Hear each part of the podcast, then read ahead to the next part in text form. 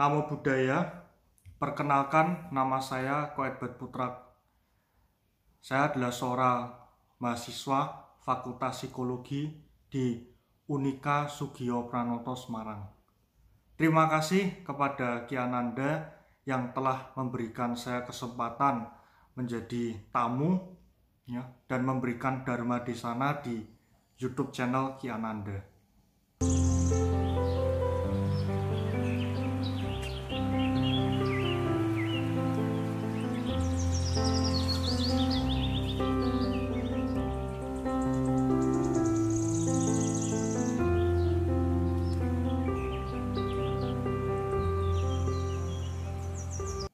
Dalam Dhammacakkappawatana Sutta, Sang Buddha memang mengajarkan delapan macam penderitaan.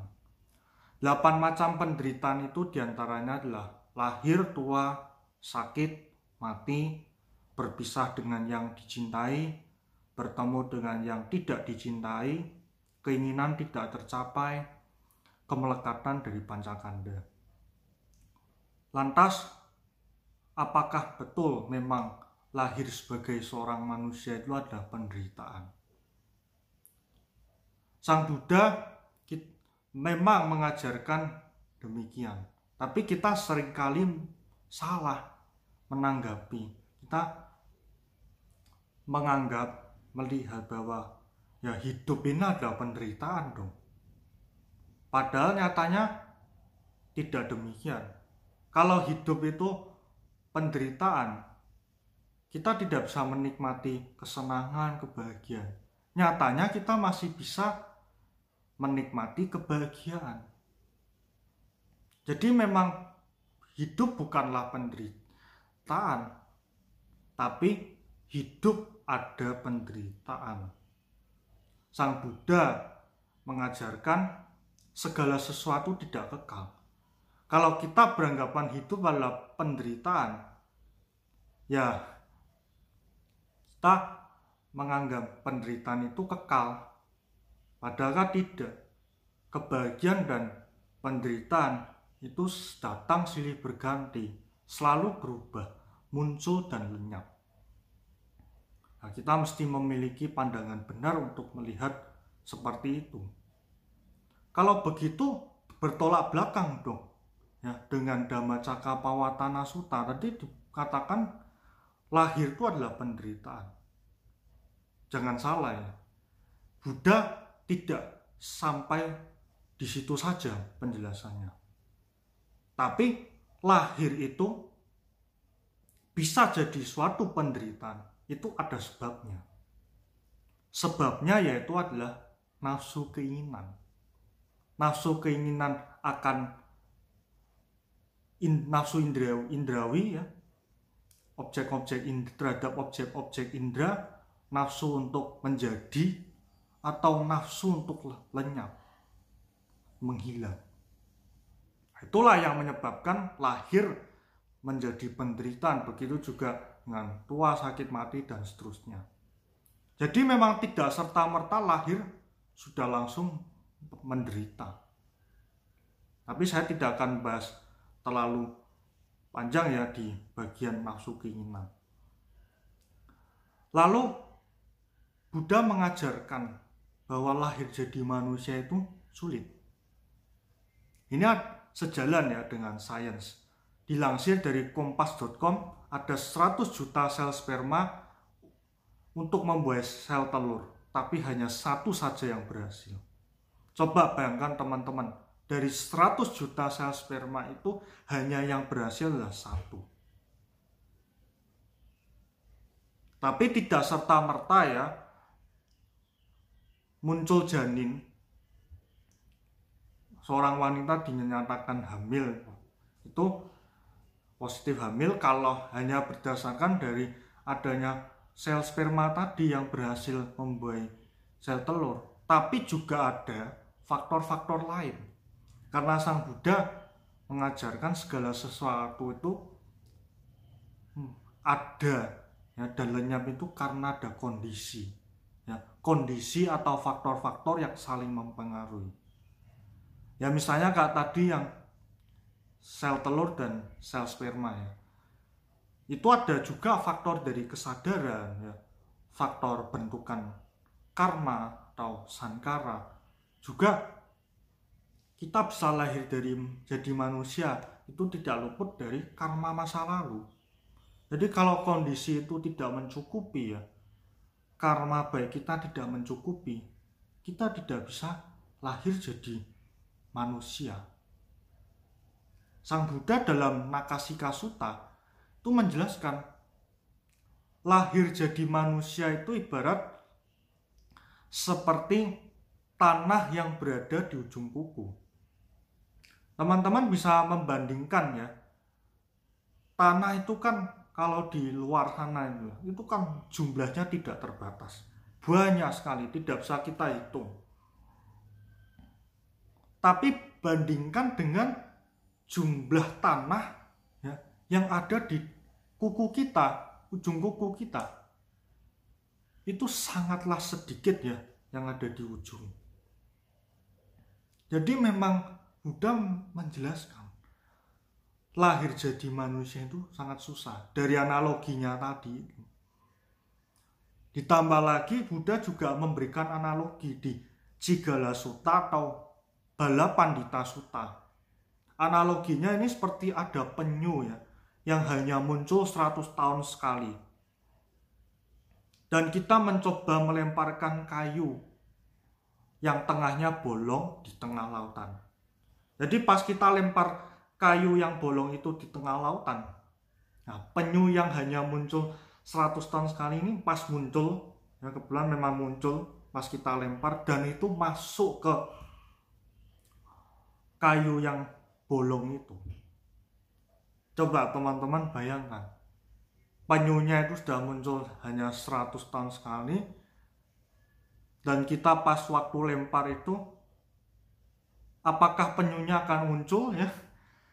Kalau sudah muncul, bisa nggak penyunya itu melewati kayu yang bolong itu?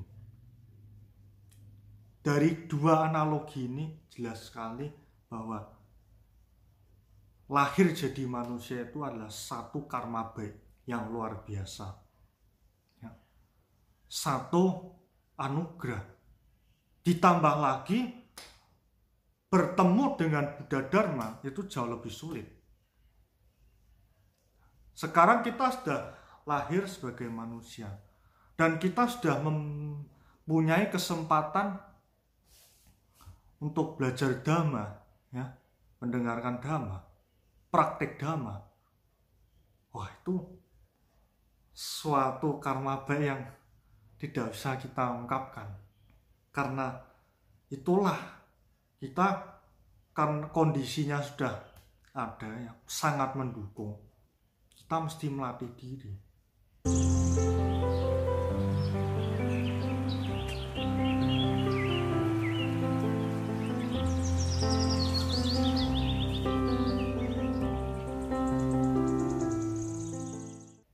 Lalu apa sih keunikan alam manusia ini? Kok bisa sang Buddha bilang lahir jadi manusia susah, sulitnya. Dan apa istimewanya? Para bodhisatwa hendak lahir sebagai paceka Buddha atau sama sang Buddha itu harus lahir dalam manusia. Karena dalam manusia calon-calon Buddha atau para bodhisatwa itu bisa mencari obat duka secara langsung. Kalau di alam dewa itu kita ke rata-rata kebanyakan hanya menikmati kebajikan yang kita perbuat di masa lalu. Dan itu bisa menjadi kejebakan. Itu bisa membuat kita terlena ya terlena untuk menikmati kesenangan di surgawi. Sehingga kita tidak melatih diri. Nah kalau kita tidak melatih diri karma baik kita dihabiskan. Ya ibarat seperti kita uang yang kita, tabungan kita itu kita pakai terus. Tapi kita nggak menabung lagi. Ya itu bisa habis. Ya, ketika karma baik itu habis kalau karma burunya gantian yang berbuah ini repot dari alam dewa bisa terjun bebas ke alam reda. Alam neraka misalnya bahkan. Nah kalau di alam menderita seperti tadi alam neraka alam binatang itu susah. Susah untuk mendengarkan dhamma. Boro-boro ya men harus menik, harus menjalankan penderitanya. Nah di neraka mendapatkan siksaan ya di hew, di alam binatang hidup dalam sistem hukum rimba. Sistem untuk bertahan hidup survival mode mode ya. Mode untuk bertahan hidup. Jadi sulit untuk mendengarkan dhamma yang nah, yang tepat yang pas. Kesempatannya itu lahir di alam manusia seperti Pangeran Siddhartha ya ketika bertemu dengan empat peristiwa ya, itu kan beliau sempat galau. Kok bisa ya ada empat peristiwa itu? Lah lalu Pangeran Siddhartha memutuskan untuk mencari obatnya secara langsung kan? Mencari jawaban apa sih sejatinya hidup dan akhirnya beliau mencapai kebudayaan. Nah, oleh karena itu, seperti yang tadi sudah saya bahas, ya, lahir sebagai manusia itu sudah susah. Dan bertemu dengan Buddha Dharma itu jauh lebih susah. Karena kita sudah memiliki kondisi yang tepat. Kita lahir sebagai seorang manusia dan kita punya kesempatan untuk praktik dhamma. Gunakan kesempatan itu dengan sebaik mungkin. Praktikan dhamma, praktikan jalan tengah, moralitas, konsentrasi, dan kebijaksanaan. Itulah yang bisa membawa kita menuju ke kebahagiaan sejati. Karena kebahagiaan sejati itu bisa kita realisasikan saat ini juga. Di sini dan saat ini. Ya.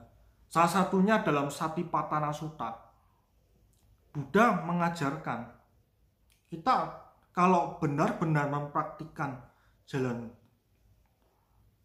tengah, jalan yang diajarkan oleh Buddha, itu tidak usah menunggu berkalpa-kalpa bertahun-tahun, tapi kita bisa merealisasikannya sekarang juga. Oleh sebab itu, kita teruslah semangat, rajin, dan konsisten untuk mempraktikkan dhamma. Dari saya cukup sekian. Terima kasih. Semoga semua makhluk hidup berbahagia. Namo Buddhaya.